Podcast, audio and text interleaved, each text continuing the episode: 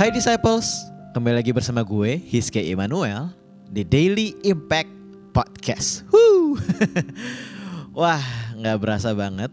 Uh, sekarang udah tahun 2022, apalagi sekarang kita udah mulai masuk di bulan Maret.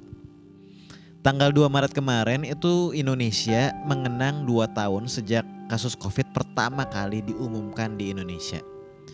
Ya kita jadi lihat dari dua tahun ini udah banyak banget yang berubah, banyak banget yang berubah, ya kan? Mulai dari kebiasaan pakai masker, kebiasaan nggak bersalaman, ya kan? Jadinya sekarang salamannya namaste atau enggak fist bump, ya. Uh, terus kita juga udah biasa hidung kita dicolok-colok sampai ke belakang otak. ya kan swab test antigen, swab test uh, PCR gitu ya. Jadi udah biasa banget yang kayak gitu-gitu. Terus trennya juga sekarang mulai banyak yang orang remote working atau working from home atau working from anywhere, working from Bali, working from anywhere. Ya kan? Jadi itu udah sekarang udah biasa banget gitu orang udah biasa buat meeting lewat Zoom ya atau video call untuk meeting gitu. Jadi itu udah hal yang biasa.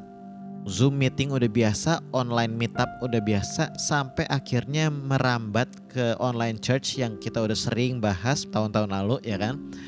Uh, online church jadinya udah hal yang biasa banget sampai sekarang walaupun udah banyak gereja yang udah mulai buka gitu ya artinya udah bisa onsite banyak orang yang tetap milih untuk online uh, karena ya alasan kesehatan satu, tapi juga karena udah banyak yang udah terlalu nyaman gitu. Terus online church pun udah mulai aneh-aneh gitu karena sekarang ada namanya kan metaverse ya. Jadi metaverse yang dibuat sama Facebook gitu kan. Metaverse ini sekarang udah mulai ada gereja di dalam metaverse gitu. Bahkan ada kayak pernikahan, ada pembaptisan di metaverse gitu. Udah mulai aneh-aneh. Udah mulai aneh-aneh. Jadi dua tahun ini kita melihat banyak banget perubahan. Dari uh, first wave COVID-19 ya kan yang pertama kali tahun 2020.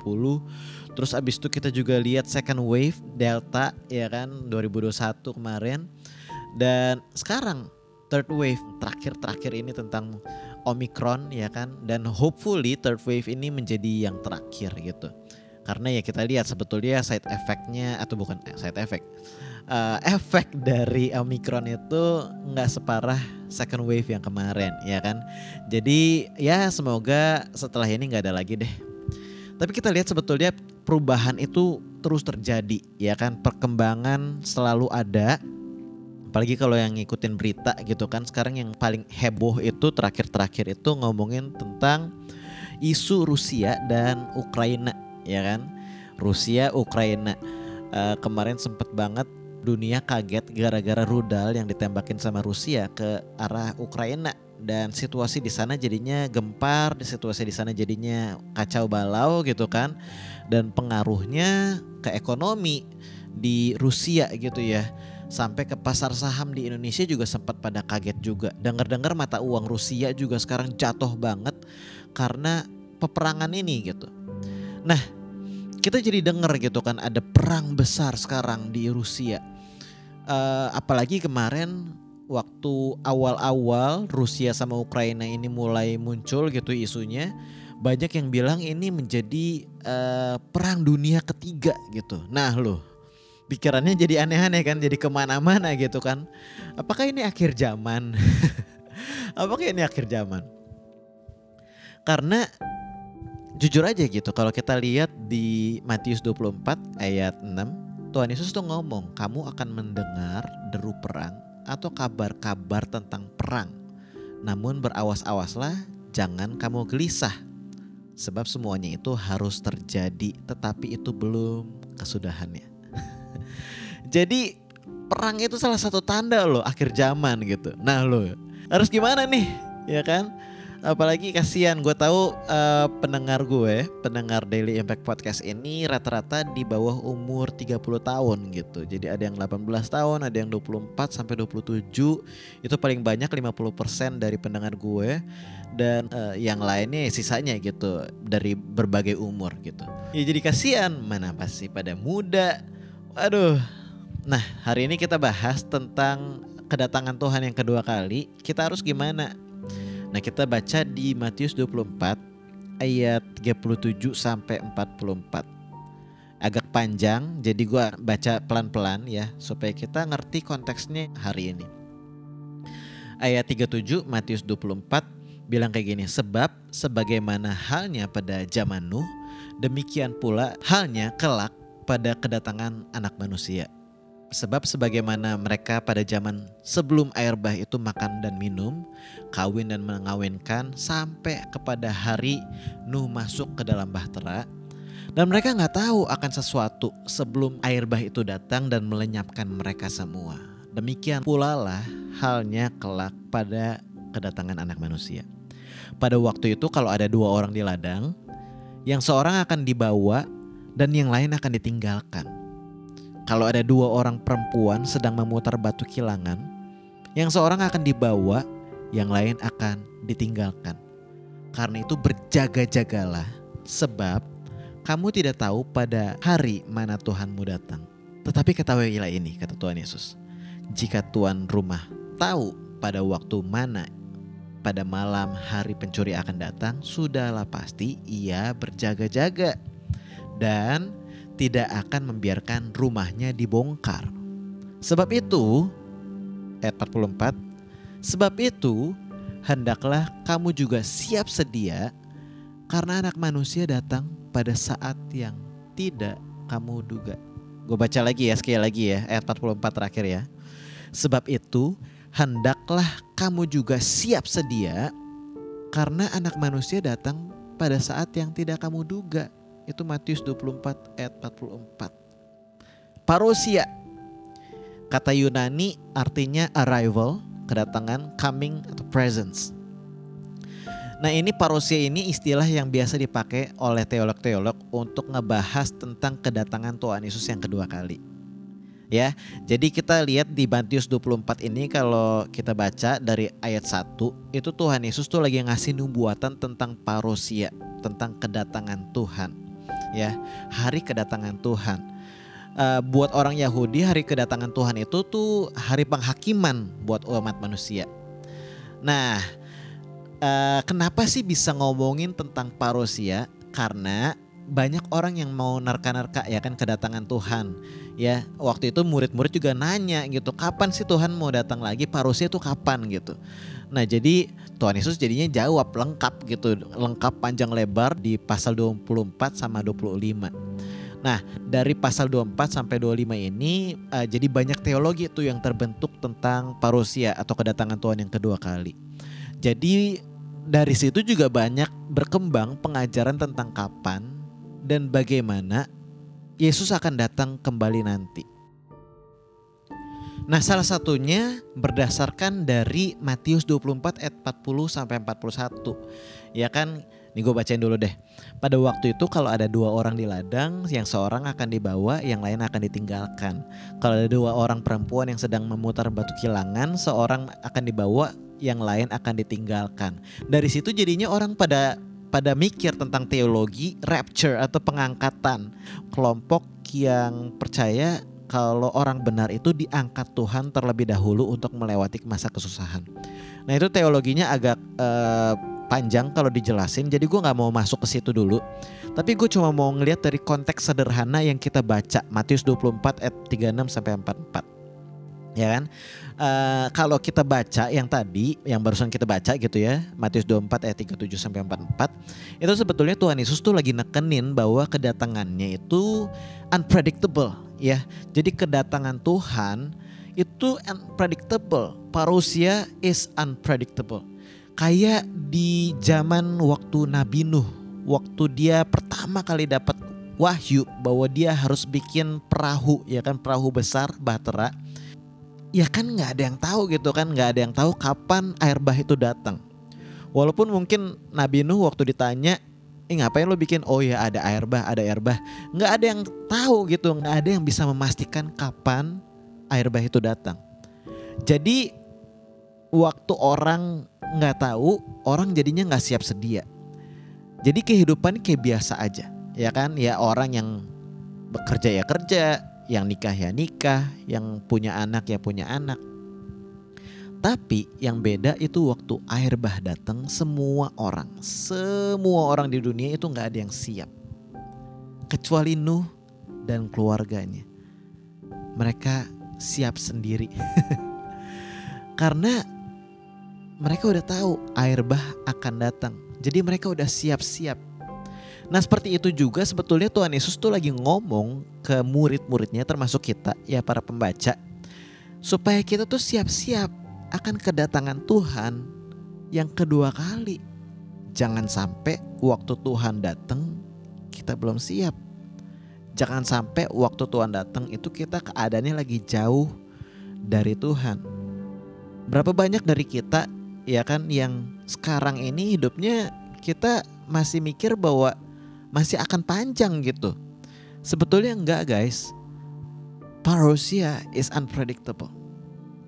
Untuk orang bertobat ikut Tuhan Yesus itu emang sulit. Gue akuin memang sulit ya komitmennya tinggi banget sama seperti kayak yang gue udah ngomong dari tahun lalu bahwa ikut Yesus itu komitmennya tinggi ya jadi lu harus kasih hidup lu yang terbaik buat Tuhan lu persembahkan bukan cuman hari Minggu doang ke gereja atau ikut komsel lu benar-benar ikut uh, Tuhan itu sepenuh hati jiwa roh semuanya tuh uh, lu kasih buat Tuhan ya kan hidup keluarga lu hidup lu sendiri uh, pekerjaan lu, lu lakukan seperti untuk Tuhan, komitmennya tinggi banget. Makanya banyak orang yang sebetulnya udah tahu bahwa mereka tuh perlu bertobat. Banyak yang udah tahu bahwa mereka harus menyerahkan diri mereka pada Tuhan Yesus. Tapi karena mikir masih muda, perjalanan masih panjang, jadi masih senang sama kehidupan lama, jadi pikirnya kayak gini nih, ah udahlah nikmatin dulu masa muda ya kan, nikmatin dulu masa muda. Uh, you live only once, YOLO gitu. Nanti waktu udah tua, gue mau tobat dah, ya kan. Nanti kalau gue udah umur 30-an, udah umur 40-an, udah punya anak, nah gue tobat deh. Jadi untuk sekarang ya udah nggak apa-apa mau mabuk mabuk nggak apa-apa, ngerokok yang ngerokok gitu. Nah itu pikiran yang sebetulnya salah gitu karena itu mikirnya kayak gini kayak slogan yang kayak gini nih muda foya-foya mati masuk surga. sebetulnya Tuhan Yesus lagi ngomong di Matius 24 itu bahwa Tuhan bisa datang kapan aja. Parousia is unpredictable. Tuhan bisa datang 50 tahun lagi. Tuhan bisa datang 30 tahun lagi. Tuhan bisa datang 20 tahun, 10 tahun, lima tahun, tiga tahun, atau tahun depan, tahun 2023, ya kan? Bisa juga tahun ini, Tuhan bisa datang kayak lima bulan lagi, Tuhan bisa datang tiga bulan, atau bulan depan di bulan April atau kapan pun Anda lagi ngedengerin podcast ini atau mungkin lima menit lagi, lima menit lagi, lima menit setelah ini Tuhan tiba-tiba datang. Jadi kapan aja bisa. Nah, topik parosia kedatangan Tuhan yang kedua kali ini sebetulnya bagian dari Injil. Ya jadi kita nggak bisa lengkap ngerti tentang Yesus atau kita nggak bisa lengkap kenalin Tuhan Yesus, kita nggak bisa lengkap mengerti keseluruhan Injil kalau kita nggak ngomongin tentang parusia juga. Kenapa? Karena Injil itu menyangkut seluruh dari waktu kita belum kenal Tuhan Yesus, ya kan kita hidupnya berdosa, terus habis itu Tuhan Yesus datang untuk menyelamatkan kita, dia hidup uh, a perfect life sehingga kita harus ikutin gitu ya uh, his way of life. Lalu dia mati buat kita, bangkit untuk kita, naik ke surga dan sekarang kita nunggu Tuhan datang kedua kali. Itu semua bagian dari Injil. Kalau kita cuma ngomong Injil itu cuman uh, Tuhan Yesus mati buat kita itu nggak lengkap guys. Nah jadi untuk nunggu kedatangan Tuhan yang kedua kali itu bagian dari Injil. Apa yang harus kita lakukan untuk kita nunggu kedatangan Tuhan yang kedua kali yang kita nggak tahu kapan? Kita perlu siap sedia, berjaga, jaga. Siap sedialah kata Tuhan Yesus di ayat 44 tadi. Siap sedialah karena kita nggak tahu kapan Tuhan datang. Jadi untuk siap sedia kayak gimana sih? Jaga hidup kudus. Terus keep doing yang baik. Kita terus cari Tuhan dengan segenap hati. Layanin Tuhan dengan segenap hati. hargain setiap kesempatan di mana kita bisa pelayanan. Jawab panggilan Tuhan kalau dia panggil kita untuk melayani Tuhan. Jangan tunda-tunda, bentar besok, bulan depan, tahun depan. Kita harus punya mindset Tuhan bisa datang tiga menit lagi. Kalau Tuhan udah mau datang tiga menit lagi, gue yakin seyakin yakinnya, lu tuh nggak bakal berencana untuk pergi ke tempat yang nakal-nakal gitu. Kayaknya nggak mungkin gitu karena udah tiga menit lagi Tuhan mau datang.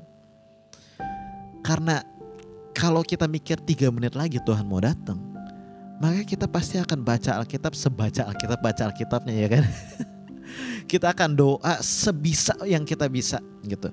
Kita akan cari Tuhan benar-benar hidup kudus. Kita benar-benar jadi murid Kristus yang beneran gitu.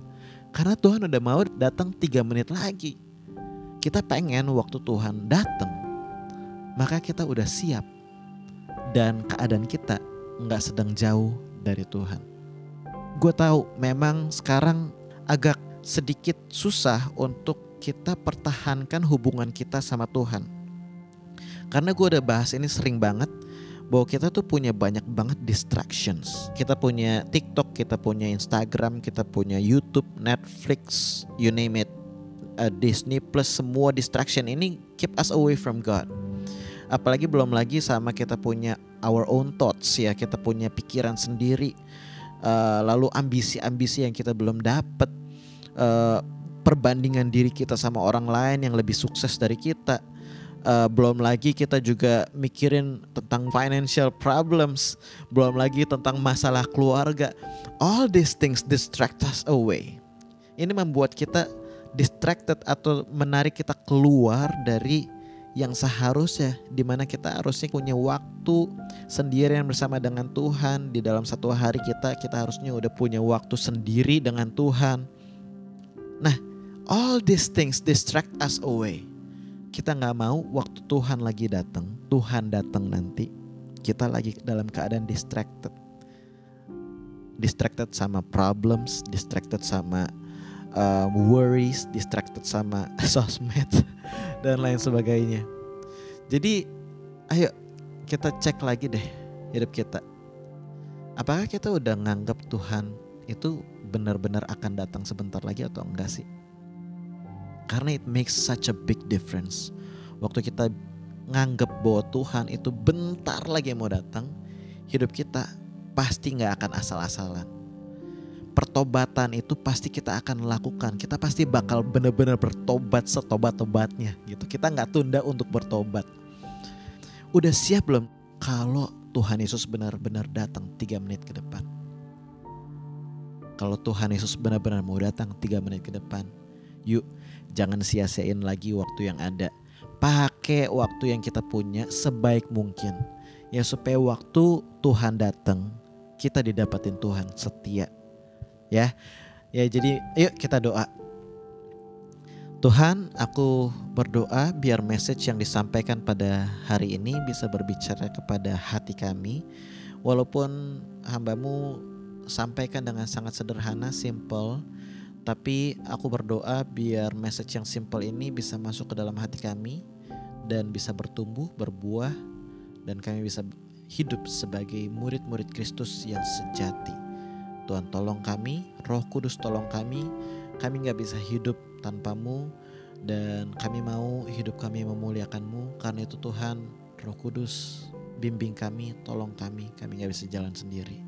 Kami mau benar-benar hidup kami memuliakan namamu. Di dalam nama Tuhan Yesus Kristus. Amin. Thank you semuanya yang udah dengerin dari awal sampai habis ya kan. Uh, gua harap message hari ini bisa memberkati kita. Ya terus semangat di dalam Tuhan. Uh, kalian boleh bantu uh, podcast ini dengan follow Instagram kita di Daily Impact Pod. Sekali lagi Daily Impact Pod pakai D untuk bisa tahu kapan uh, episode baru akan muncul gitu kan. Uh, apalagi sekarang ini lagi jarang-jarang upload gitu ya. Jadi uh, follow Instagramnya supaya tahu kapan lagi akan muncul episode baru gitu ya. Uh, terus apalagi ya? Uh, kasih feedback boleh bantu kasih feedback apa yang memberkati kalian apa mungkin kalau misalnya ada pertanyaan kalian juga boleh DM gue di Daily Impact Pod ya. Uh, gue bener-bener seneng dan gue setiap kali ngebaca ada respon dari uh, pendengar itu tuh gue jadi inspired to do more.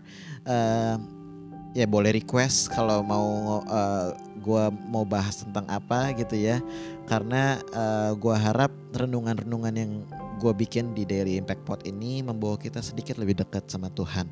Jadi see you on the next episode. God bless you all. Bye bye.